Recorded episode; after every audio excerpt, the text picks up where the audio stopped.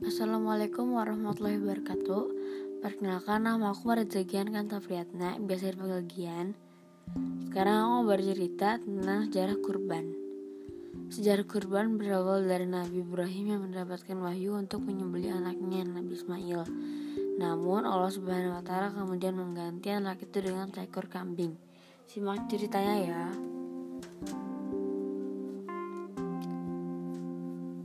Pada suatu malam, Nabi Ibrahim bermimpi agar menyembelih anaknya Ismail, di mana beliau mengalami tiga kali mimpi.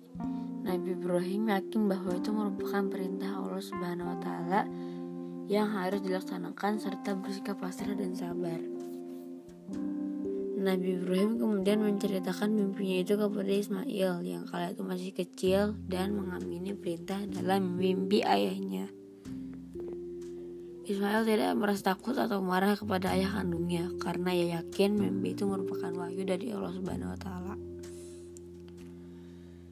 Kemudian Nabi Ibrahim dan Ismail pergi ke sebuah tempat yang tinggi. Di atas tempat itu, Ismail membaringkan dan bersiap untuk disembelih oleh ayahnya.